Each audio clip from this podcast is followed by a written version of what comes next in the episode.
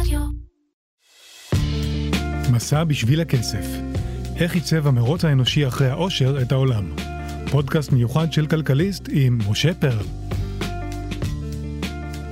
שלום לכולם, תודה רבה שהצטרפתם אה, לפודקאסט שלנו, אנחנו בפרק 6, מי לעזאזל המציא את הסטארט-אפים. בפרק הקודם דיברנו על האופן שבו אירופה משנה דיסקט, הופכת להיות יבשת שוחרת חדשנות, שוחרת קדמה, בעצם הופכת להיות המקום שבו חיים אנשים שחותרים לאושר, שמונעים לכסף. היום נדבר על המחוזות הקיצוניים, באמת קיצוניים, שלהם מביא אותה הדרייב הזה, בעצם איך כל זה גורם לאדם הלבן, האירופאי, להשתלט על העולם. בואו נחזור רגע לסוף ימי הביניים, אלה הימים שבהם מונופול מוסלמי משתלט על דרכי הסחר היבשתיות, שדרכן מייבאים תבלינים מאזור דרום-מזרח אסיה, איפה שהיום אינדונזיה, לאירופה. למעשה, זה היה מונופול שבו שיתפו פעולה גם גורמים מסחריים מטורקיה ומוונציה, אבל הרוח החיה, מי שבאמת שלט בזה, היו אנשי עסקים מוסלמים, והם הופכים להיות השליטים הבלתי מעורערים על שוק התבלינים של אירופה. שני דברים הם עושים לאירופאים האומללים. קודם כל, הם מקטינים את כמות התבלינים שיגיעו בשיירות לאירופה, ואז המחירים עולים מתוקף העובדה שיש פחות היצע, פחות תבלינים, ושנית, הם מעלים את גובה העמלות שהם גובים מהסוחרים עצמם. הפערים היו ממש בעשרות אלפי אחוזים. השורה התחתונה היא יבשת שלמה שנלקחה בשבי, לפחות בכל מה שקשור ליכולת שלה לשלוט על הטעם של מה שמונח בצלחת שלה. כאן אני רוצה להבהיר, תבלינים היו ביג אישו באירופה של הימים ההם. זה לא היה רק עניין של אוכל, זה היה הרבה מעבר לזה. האוכל כשלעצמו היה טפל, והדרך היחידה להרגיש טעם היה לטבל אותו, אבל זה היה הרבה יותר מזה. ייחסו לתבלינים תכונות רבות ומשונות, למשל, אגוזי מוסקת נחשבו ככאלה שמעוררים את כוח הגברא, תבלינים אחרים נחשבו כבעלי סגולות רפואיות, היו...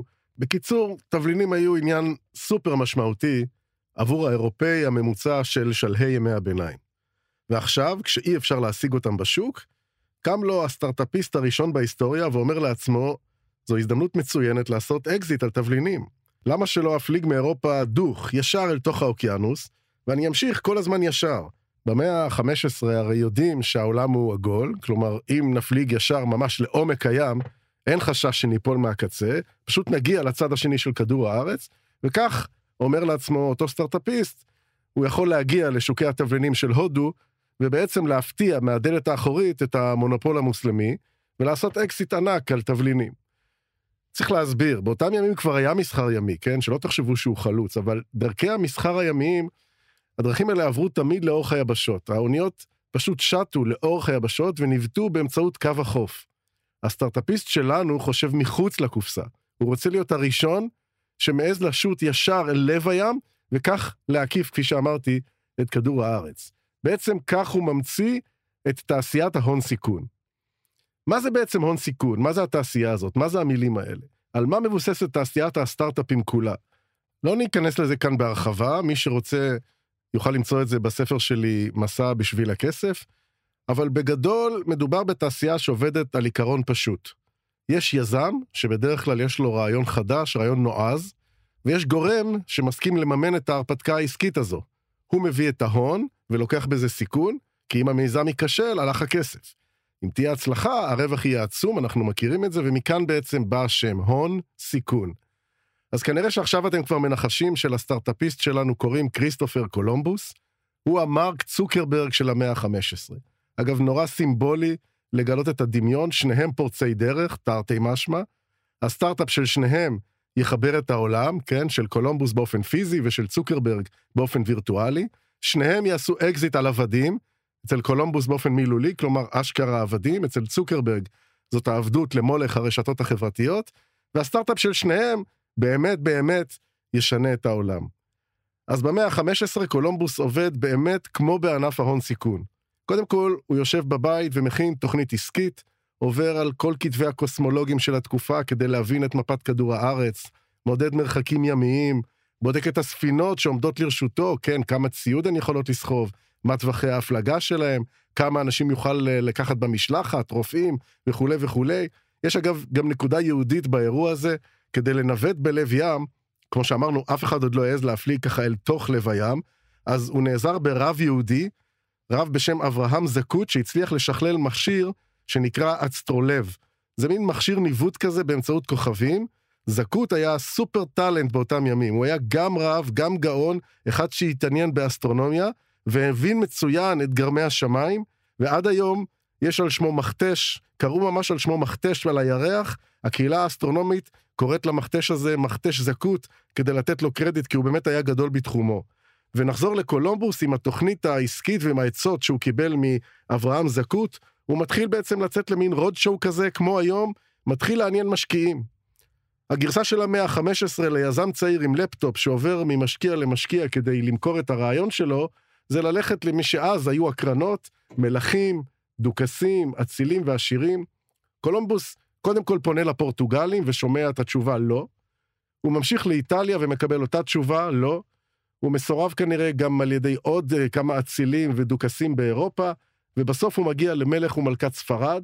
שם אגב הוא מחליט לשנות קצת יותר uh, טקטיקה, מחליט להיות קצת יותר תחמן. הוא נותן להם להבין שיש התעניינות מאוד משמעותית מכיוון המתחרה הגדולה של ספרד, מכיוון פורטוגל. ובקיצור, התשובה של הספרדים היא כן. אנחנו לא יודעים אם הם באמת האמינו במיזם, או שהיה להם הרבה יותר חשוב למנוע כל סיכוי שהפורטוגלים ישאירו אותם מאחור במרוץ, אבל אנחנו בהחלט יודעים שהם אלה שהחליטו להשקיע. אגב, ההסכם ביניהם היה די דומה למה שמקובל היום בענף ההון סיכון. אם יהיה אקזיט, רוב הכסף ילך למשקיעים ורק חלק קטן ילך ליזם, במקרה שלנו, קולומבוס. אז איכשהו יצא שבדיוק אחרי 3,800 מייל, שזה היה החשבון של קולומבוס, שהמרחק שבאמצעותו הוא יגיע להודו, בדיוק אחרי המרחק הזה הוא מזהה יבשה, אנחנו יודעים היום שהיו אלה האיים הקריביים, ולכן הוא מאושר, הוא בטוח שהוא הגיע להודו, הוא קורא לילידים Indians, והוא לא מבין שבעצם הוא גילה את אמריקה. תבלינים הוא לא מצא שם, אבל הוא יעשה גם יעשה אקזיט, אקזיט על עבדים ואקזיט על זהב.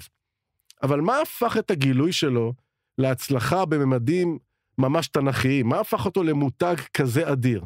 היום אנחנו הרי יודעים ש-500 שנים לפניו, סקנדינבים כבר גילו את אמריקה. אז למה דווקא הוא הפך באמת למותג על? איך זה שאחרי המסע שלו, ממש כמו בסטארט-אפ, המון המון יזמים אחרים נכנסים לענף ומסתערים על אמריקה? וכמוהם משקיעים אגב, תאבי אקזיטים, כאלה שמוכנים לשים המון המון כסף על משלחות ימיות לאזור. איך נהיה באז כזה גדול דווקא אחרי קולומבוס? פשוט מאוד, בגלל הדפוס. למי שפספס את הפרק הקודם שלנו נזכיר במשפט אחד, יוהאן גוטנברג מחולל את מהפכת הדפוס זמן קצר אחרי שקולומבוס חוזר מאמריקה. פתאום אפשר להפיץ מידע באמצעות דפוס. יש עיתונים, יש ספרים, יש שוש תוסס של מידע, של רעיונות. והיכולות האלה להפיץ מידע, לפרסם על כך ששם, מעבר לים, יש יבשת חדשה עם זהב ועם אנשים שאפשר להפוך אותם לכוח עבודה, היכולת הזאת עושה את ההבדל, עושה אותו בגדול. כך קורה שהפרסום על גילוי העולם החדש באמת יוצר באז עצום באירופה, וגל של סטארטאפיסטים פשוט מסתער על אמריקה. קראו להם אז כובשים או מגלי ארצות, אבל מדובר בעצם ביזמים הרפתקניים, בעיקר מספרד ומפורטוגל, אחר כך יבואו, כפי שאנחנו יודעים, גם האחרים, אבל הראשונים היו הספרדים והפורטוגלים, והם יתחילו ממש הסתערות על העולם החדש. בשנת 1519 יוצא יזם פורטוגלי בשם פרדיננד מגלן לעשות את מה שקולומבוס בעצם לא הצליח, להקיף את העולם דרך הים ולעשות אקזיט על תבלינים באינדונזיה. הוא עצמו נהרג בדרך, אבל אחת הספינות שלו בהחלט מצליחה לחזור עם סחורה בחלוף שלוש שנים, המשלחת הזו של מגלן עושה היסטוריה, היא המשלחת הראשונה שהצליחה באמת להקיף את כדור הארץ. באותה שנה בדיוק, יוצא יזם ספרדי, עוד סטארטאפיסט בשם הרנן קורטז, שמגיע לאזור מקסיקו של היום, אז זו הייתה ממלכת האצטקים. הוא מנהל סדרה של קרבות אכזריים מול הילידים האצטקים, משתלט על הממלכה שלהם, ופשוט שודד את הזהב שלהם.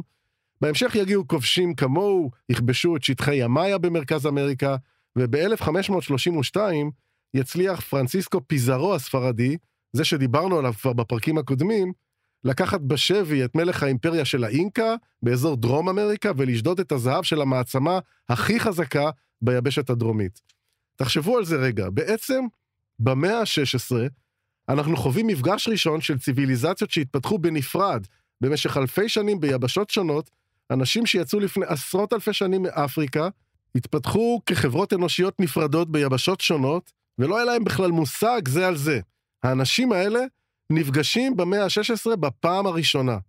הקדמה שהתפתחה אצל האירופאים העניקה להם, כפי שאנחנו כבר יודעים, טכנולוגיה מתקדמת הרבה מזו שהתפתחה ביבשת אמריקה, והיא זו שאפשרה את המפגש הזה. לאירופאים יש אוניות, יש להם נשק, תרופות, יש להם אמצעים בעצם לגלות יבשת חדשה, ואז, אז קורה המפגש הזה.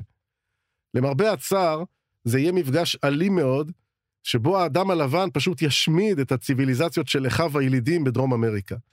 למען האמת, העבודה שלו, אם אני ארשה לעצמי לרגע ניסוח שהוא לא כל כך פוליטיקלי קורקט, העבודה שלו הייתה קלה במיוחד, כי מי שבאמת השמיד את הילידים באמריקה, היו הווירוסים והחיידקים שהביאו איתם הפולשים מספרד ומפורטוגל. האירופאים הגיעו לעולם החדש עם חיות המשק שלהם, בעיקר סוסים אגב, שנשאו וירוסים וחיידקים שהילידים המקומיים לא הכירו. לכן, בעוד הם חסינים מפני המחלות האלה כי הם חיים בצמוד לחיות האלה אלפי שנים, התושבים המקומיים, אלה האמריקאים, נחשפים למחלות חדשות לגמרי, ופשוט ניגפים מפניהן. מנקודת המבט של האוכלוסייה המקומית, הווירוסים שמגיעים עם האירופאים הם נשק להשמדה המונית. הם הם אלה שאחראים לרוב מוחלט של מקרי המוות של הילידים האינדיאנים. לא שלא היו מלחמות, כן, אל תתבלבלו. המיתוסים על האלימות של הכובשים הספרדים בהחלט נכונים, אבל ההרג העצום, השמדת העמים, החיסול של ציוויליזציות, כל אלה נעשו באמצעות מחלות. אנחנו מכירים מקרים שבהם הכובשים הגיעו ליישובים שהיו כבר ריקים מאדם, יישובי רפאים. למה?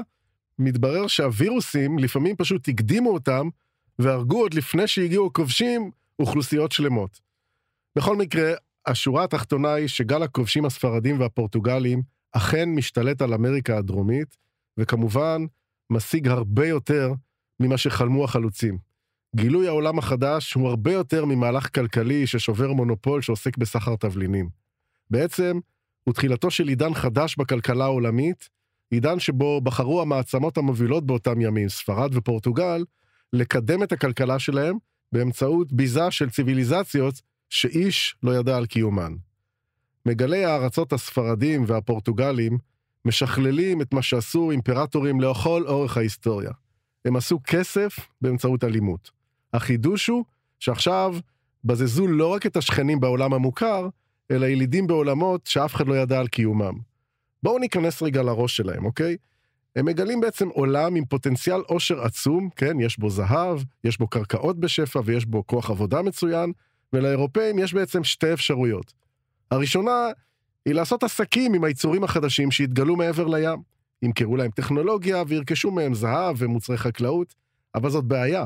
איך עושים עסקים עם יצורים שאנחנו לא מדברים את השפה שלהם, שאין לנו שום תשתית לסחור איתם, אם תהיה איזה מחלוקת מסחרית, אם יהיה ויכוח, אם לא נסכים על משהו, איך נתבע אותם, ואם יהיה חוב, איך נבטיח את התשלום?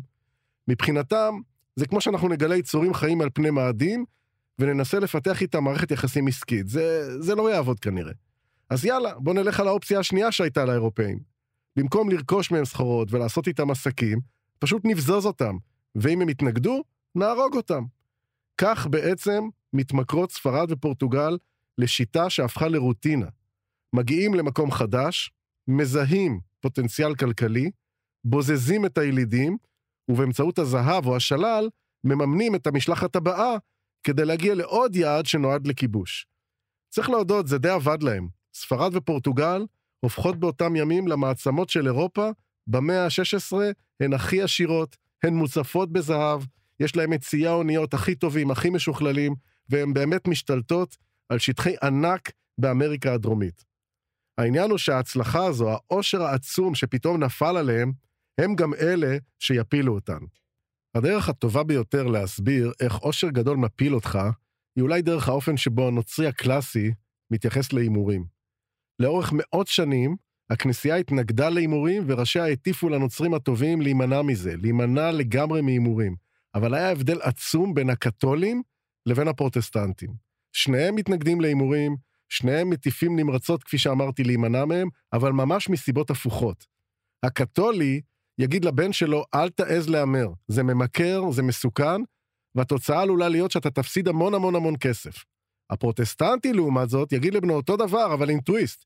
אל תהמר, הוא יגיד לו, אתה עלול להרוויח המון כסף. הקתולי פוחד מכסף שמפסידים בקלות. הפרוטסטנטי פוחד מכסף שמרוויחים בקלות. הספרדים והפורטוגלים, אלה שאני מדבר עליהם בפרק הזה, הם קתולים, ומה שקרה להם זה בדיוק הדבר שממנו מזהיר הנוצרי הפרוטסטנטי. הם הרוויחו המון, אבל באמת המון, ודי מהר. הרבה מאוד כסף ומהר. וההתעשרות הזו שינתה אותם. הזהב זרם בכמויות מדרום אמריקה, ואנשים התעשרו בגדול, המלכים, הקופה הציבורית, אנשי עסקים פרטיים, פתאום כולם שחו בזהב. הם פשוט קנו כל מה שהם רצו, ולכן הם הפסיקו לפתח תעשיות, הפסיקו לחשוב על טכנולוגיות חדשות, הפסיקו לחתור לחדשנות, להמצאות, הכל בא להם פשוט בקלות. והעושר העצום הזה ניוון את הכלכלה של כל חצי האי האיברי, וגם הביא עליה את האינפלציה, כי כפי שכבר הזכרנו, ככל שיש יותר זהב, כך המחיר שלו יורד.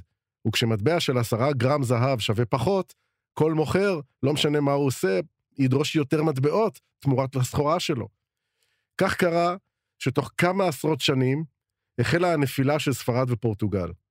בשלב הזה יש כבר כוכבת חדשה שזורחת בשמי אירופה, מאזינות ומאזינים, קבלו את הולנד.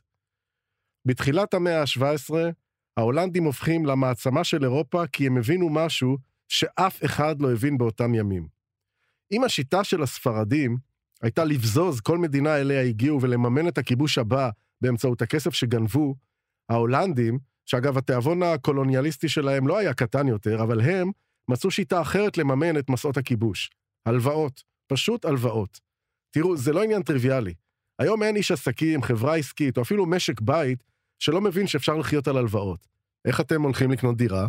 ברור לכם הרי שאתם לא תחסכו כסף עד שיהיה לכם מספיק כדי לשלם על כל הדירה, אתם תיקחו משכנתה. אבל פעם, זה לא היה כל כך מובן מאליו.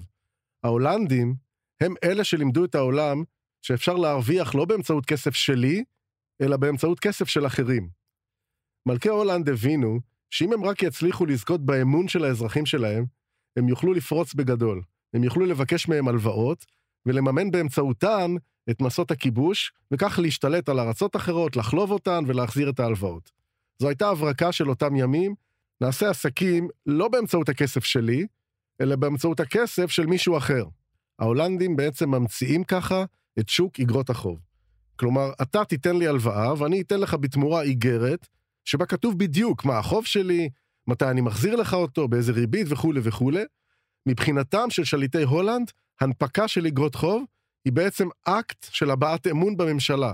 מין סקר דעת קהל ענק, משאל עם, כזה שביסוד שלו בעצם בא השליט לעמו ואומר לו, אני מבקש שתלוו לי כסף, ואני מבטיח לכם שאני הולך לעשות איתו כך וכך וכך, ולהשקיע אותו כאן וכאן, ואם אתם מאמינים לי, אם אתם סומכים עליי, הרי שכולנו נרוויח בגדול, ולכן כדאי לכם לתת לי את ההלוואה הזו. כך בא לעולם בעצם שוק ההון של ההולנדים, והוא מצליח בגדול ומאפשר להם לממן מסעות כיבוש שמדיחים את ספרד ופורטוגל מהבכורה ומזניקים את הולנד ממש לשמיים. כאן אני צריך להבהיר, ההולנדים לא היו אלה, בהחלט לא היו אלה שהמציאו את עצם הקונספט של אגרות חוב. יש להם את הזכויות יוצרים על שוק ההון בגרסה שמאוד מאוד קרובה למה שאנחנו מכירים היום, אבל עצם הרעיון של גיוס אגרות חוב מהציבור, זה רעיון עם זקן די ארוך. הדוגמה אולי הכי מרתקת היא זו של ערי המדינה באיטליה של ימי הביניים, הרבה לפני שהולנד לקחו ועשו וריאציה של זה שבאמת קרובה למה שאנחנו מכירים היום. אז בואו נלך רגע אחורה למאה ה-13, איטליה מחולקת לערי מדינה שחיות כישויות אה, מדיניות עצמאיות, ובתכלס, רוב הזמן הן הולכות מכות אחת עם השנייה. מלחמות בלתי פוסקות בין פיזה לפירנצה, בין ונציה לפיזה, בין כולם לבין כולם. אבל איך מתנהלות המלחמות האלה? איך מנהלים אותן? מי בעצם הלוחמים? מי משלם על כל זה? השיטה, תאמינו או לא, הייתה הנפקת אגרות חוב. נגיד שאתם המלך של פיזה, ואתם מתכננים לתקוף את פירנצה כדי לשדוד את האוצרות שלה. אתם מתחילים לבנות צבא של לוחמים, לרכוש נשק, לפתח יכולות צבאיות התקפיות. כדי לממן את זה, אתם פונים לציבור הרחב, לאזרחי פיזה, ואומרים להם, אנחנו מתכננים לפתוח במלחמה נגד פירנצה, אנא, תלוו לנו כסף ואנחנו נחזיר לכם את ההלוואה אחרי שננצח ונביא לעיר שלנו המון המון המון שלל. עכשיו, כל אחד מאזרחי פיזה ניצב בפני דילמה שבעצם היא תכלס דילמה פיננסית. הוא שואל את עצמו, מה הסיכוי שהצבא של המלך שלי באמת חזק יותר מהצבא של מלך פירנצה? וככל שהוא מגיע למסקנה שהמלך שלו באמת בנה צבא חזק יותר, כלומר, הסיכויים שלו לנצח במלחמה גבוהים יותר, כך גוברת הנכונות שלו לתת לו הלוואה, כי הוא יודע שהסיכוי שיהיה למלך איך לפרוע את ההלוואה הזו, זה סיכוי גבוה. הוא יסכים להיפרד מהחסכונות שלו די בקלות. אבל לעומת זאת, אם הוא חושב שמלך פירנצה בנה צבא חזק, אם הוא חושש שההתקפה הצפויה עלולה להסתיים בכישלון, יש לו פחות חשק לתת למלך שלו הלוואה. כאן בעצם קיבלנו את תמצית העיקרון של שוק האשראי על סיכון וסיכוי. ככל שאזרחי פיזה, בדוגמה שאנחנו מדברים עליה, ככל שהם חשבו שהסיכוי של הצבא שגייס המלך שלהם נמוך יותר, כך הם דרשו ריבית גבוהה יותר על ההלוואות כדי לפצות על הסיכון. ובשפה של ימינו אנו, הריבית על האג"ח שהנפיק מלך פיזה הייתה גבוהה יותר, כי הסיכון שלה גבוה יותר. הסיכוי שהמלך הזה יחדל פירעון הוא גבוה יותר. כך בעצם נולד לו באמצע ימי הביניים עולם האג"ח, שהוא בעצם עולם של מלחמות שמנהיגים מממנים אותן באמצעות הנפקת אגרות חוב. לא, זה לא משוכלל ולא שכיר כפי שידעו ההולנדים לעשות 400 שנים יותר מאוחר, אבל הרעיון הבסיסי הוא כבר שם. המציאות הזאת, אגב, הייתה לפעמים באמת הזויה. אנשים הקימו לעצמם ממש מיליציות, מין צבאות קטנים שאותם הם היו מזכירים למלכי התקופה.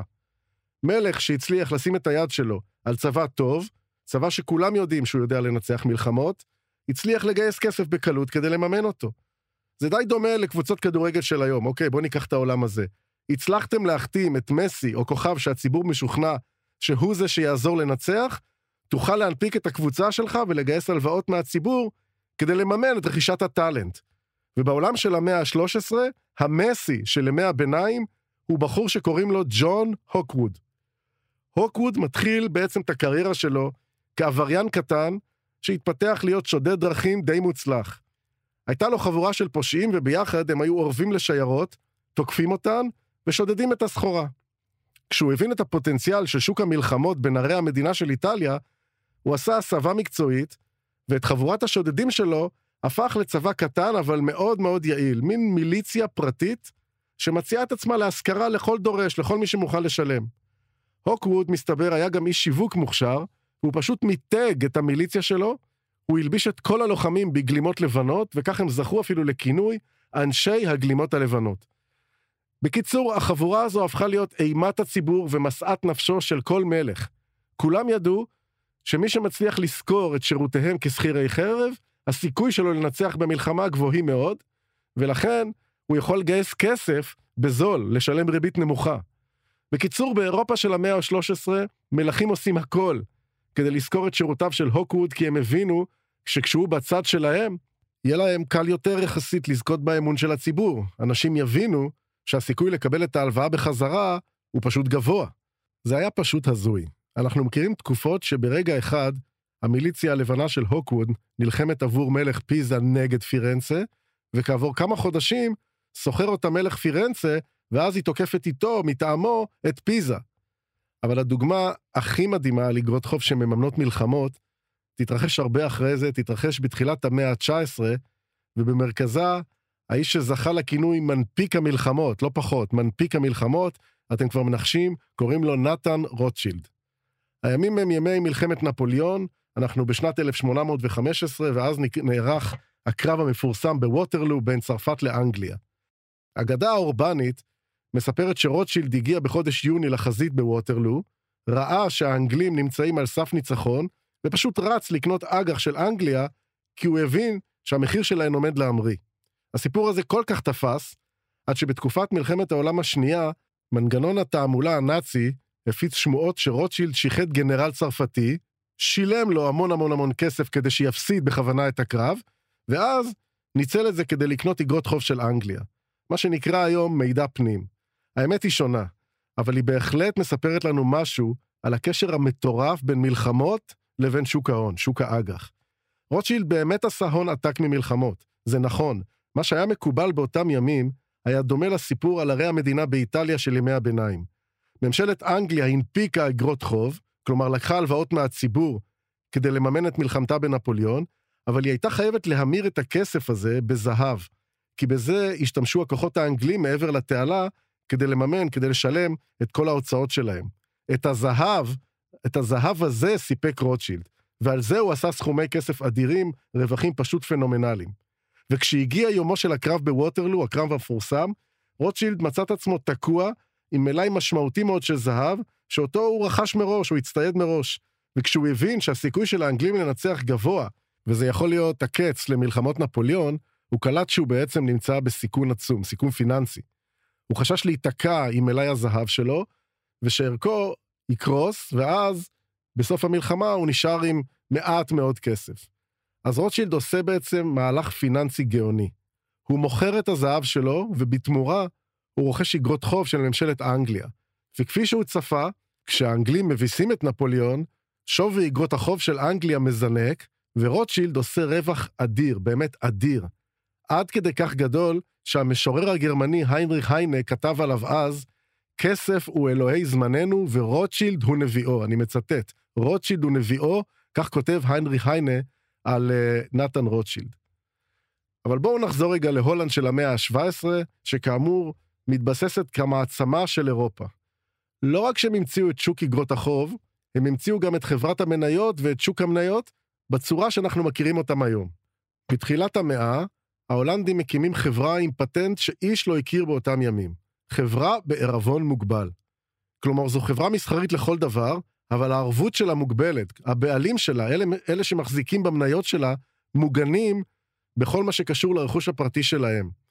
אם חברה כזאת נכשלת בעסקים שלה, אלה שנתנו לה הלוואות לא יוכלו לתבוע את הבעלים כאדם פרטי. הם כן יוכלו כמובן לתבוע את החברה, אבל העירבון שלה הוא מוגבל. הנושים לא יוכלו לאיים על הרכוש הפרטי של הבעלים, על הבית שלו, על הנכסים הפרטיים שלו, של המשפחה שלו. זו הייתה המצאה מכוננת, כי היא סיפקה בעצם רוח גבית אדירה ליזמים שרצו להקים חברה עסקית, אבל עד אז הם פחדו, כי הם ידעו שאם העסק שלהם ייכשל, אם לא ילך להם, אפשר יהיה לקחת להם את הרכוש הפרטי ולגזור עליהם ועל משפחתם חורבן כלכלי ממש. עכשיו, כשיש מין מסך כזה בין העסק לבין הרכוש הפרטי, כשהחברה היא בערבות מוגבלת, זה תמריץ עצום ליזמים, וזה מה שקורה בהולנד של המאה ה-17. הדוגמה הכי טובה היא חברת ענק שיקימו ההולנדים, חברה בשם חברת הודו המזרחית ההולנדית. בגלל שהיא הוקמה כחברה בערבון מוגבל, כולם רצו להיות בעלים שלה. הציבור כולו היה מוכן להשקיע במניות שלה, והיא גייסה כסף בקלות, ופתחה במסע מטורף של כיבושים. הודו המזרחית ההולנדית הפכה לחברת ענק, ממש מפלצת תאגידית. היו לה אוניות, ונשק, ולוחמים, ודגל. היא קיבלה מהממשלה זיכיון לכבוש ארצות באסיה, למנות מושלים, לעשות עסקים כמעט בצורה לא מוגבלת. הודו המזרחית ההולנדית היא זו שפתחה את עידן הקורפורייטס, עידן תאגידי העל. היה לה אפילו מטבע משלה. אם אתם מסתכלים היום על גוגל, פייסבוק, אמזון ועל כל החברות שלהם וחוששים שיש לתאגידים האלה יותר כוח מאשר למדינות, תלכו אחורה להודו המזרחית ההולנדית. היא האימא הקדמונית שלהם. היא כבשה את איי אינדונזיה, היא השתלטה על סחר התבלינים ועשתה מיליונים. ההצלחה שלה הייתה כל כך גדולה, עד שההולנדים החליטו להקים לה אחות. הודו המערבית ההולנדית הם קראו לה. והמשימה שלה הייתה לשכפל את הנוסחה ולהשתלט על ארצות המערב. ואכן הודו המערבית ההולנדית תתחיל את המסע בכיבוש אי קטן במזרח ארצות הברית, בשפך נהר ההדסון. היא תקים שם עיר בשם ניו אמסטרדם, שלפי התוכנית העסקית אמורה להיות השער להמשך ההשתלטות של ההולנדים על צפון אמריקה כולה. אלא שבניו אמסטרדם הם נתקלו בצרות, צרות לא פשוטות. האנגלים נלחמו בהם כי גם הם רצו לכבוש את צפון אמריקה, ולא פחות מעיק, הילידים האינדיאנים של האזור ניהלו גם הם מלחמות שהיו בדרך כלל מלחמות גרילה, אבל מאוד מאוד מציקות. בהתחלה ההולנדים החליטו להילחם. הם הקימו חומה משמעותית בדרום ניו אמסטרדם כדי לבלום את ההתקפות, אבל בשלב מסוים הם ויתרו ועשו הסכם עם האנגלים. הם ייתנו לאנגלים את השליטה על העיר, ובתמורה יקבלו את מדינת סורינם שבדרום אמריקה. האנגלים היו מאושרים מהעסקה. בשלב הראשון הם שינו את שמה של ניו אמסטרדם לניו יורק, אחר כך הם התפנו לחסל את ההתנגדות של האינדיאנים, ובסוף, כשהפכו לבעלי הבית והקימו את ארצות הברית, הרסו את החומה וסללו במקומה רחוב קטן. הם קראו לו על שם החומה וול סטריט, ותראו, תראו כמה ההיסטוריה יודעת להיות אירונית. ברחוב הזה הם החליטו להקים את הבורסה הגדולה בעולם. דווקא במקום שמסמל יותר מכל את הכישלון של ההולנדים, אלה שהמציאו את שוק ההון המודרני בתחילת המאה ה-17. תיאבון הכיבוש של האנגלים לא הסתכם בצפון אמריקה כמובן. הם היו פעילים גם במזרח וכבשו את הודו כדי לבסס את עסקי הטקסטיל. העסקים האלה כל כך הצליחו, עד שהתיאבון האנגלי גדל וסימן להם את היעד הבא, סין. כשגילו האנגלים את השוק הסיני, החלו מיד לרכוש ממנו ובהיקפים מאוד מאוד גדולים. החל מתה וכלה בכלי פורצלן, האנגלים פשוט התמוגגו ממה שהם מצאו בשוק הסיני. הבעיות החלו כשהסינים הגאים סירבו לקבל בתמורה סחורות אנגליות. הם רצו כסף, אבל האנגלים, היו להם תוכניות אחרות. הם החלו לשלם לסינים באופיום, וככל שזה עבד, החלו לפתח בהודו שטחי ענק כדי לגדל בהם את פרחי הפרג, שמהם מופק הסם הזה, מופק האופיום. זה היה פשוט מטורף. האנגלים מפתחים שטחי ענק בהודו כדי לייצר אופיום, מספקים אותו בכמויות אדירות לסינים, ומקבלים בתמורה כל טוב. התוצאה הייתה איומה. הסינים התמכרו בהמונים לאופיום, ובריטניה בעצם הופכת לסוחרת הסמים הגדולה בהיסטוריה. היא פשוט סיממה מדינה שלמה. שדות הפרג הפיקו אופיום בכמויות מטורפות, והוא יוצא לסין על ידי אוניות בריטיות שצבעו על הנמלים עם הסחורה הממכרת הזו. לקראת אמצע המאה ה-19, הקיסר הסיני הבין שהצונאמי הזה של האופיום פשוט מחסל את החברה הסינית. הוא ניסה לדבר על ליבם של הבריטים, אבל זה לא עזר, ובשנת 1839 הכל התפוצץ. שלטונות סין תפסו אונייה בריטית עם משלוחי אופיום, אונייה שהגיעה כרגיל לפריקה בנמל גואנגג'ו, והשליכו את הארגזים למים. הבריטים השתוללו מזעם. הם הכריזו מלחמה על הסינים, מלחמה שזכתה לשם מלחמת האופיום, השתלטו על סין ותוך שלוש שנים הכניעו אותה לגמרי. הם הכריחו את הסינים לחתום על הסכם כניעה שמתיר להם להמשיך ולמכור אופיום לציבור הסיני בשם, אני מצטט, עקרון חופש המסחר, כן? עקרון חופש המסחר בעצם אפשר להם להמשיך למכור סמים. בהסכם הזה נקבע גם כי הבריטים יקבלו לשליטתם כמה נמלים בסין, וגם את הונג קונג, שעברה בעצם לשליטה בריטית מוחלטת, הפכה להיות בריטית. זו הייתה השפלה איומה לקיסרות ולעם הסיני כולו. הם לא ישכחו את זה למערב, לא ישכחו את זה לאדם הלבן.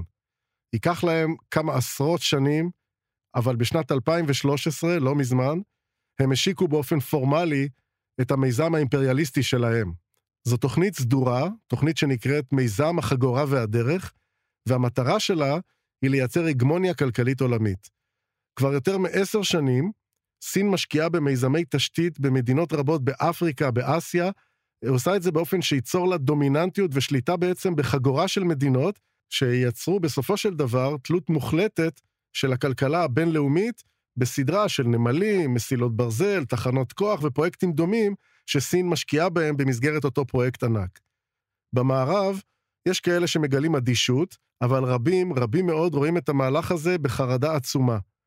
ביוני 2022 הודיעו מדינות G7, גרמניה, צרפת, אנגליה, בריטניה, קנדה, יפן וארצות הברית, הם הודיעו כי הן מתכוונות להשקיע 600 מיליארד דולר בהשקעות במדינות החגורה והדרך של סין. מין ניסיון כזה לעשות חסימה שלא ברור עד כמה יש לו סיכויים להצליח.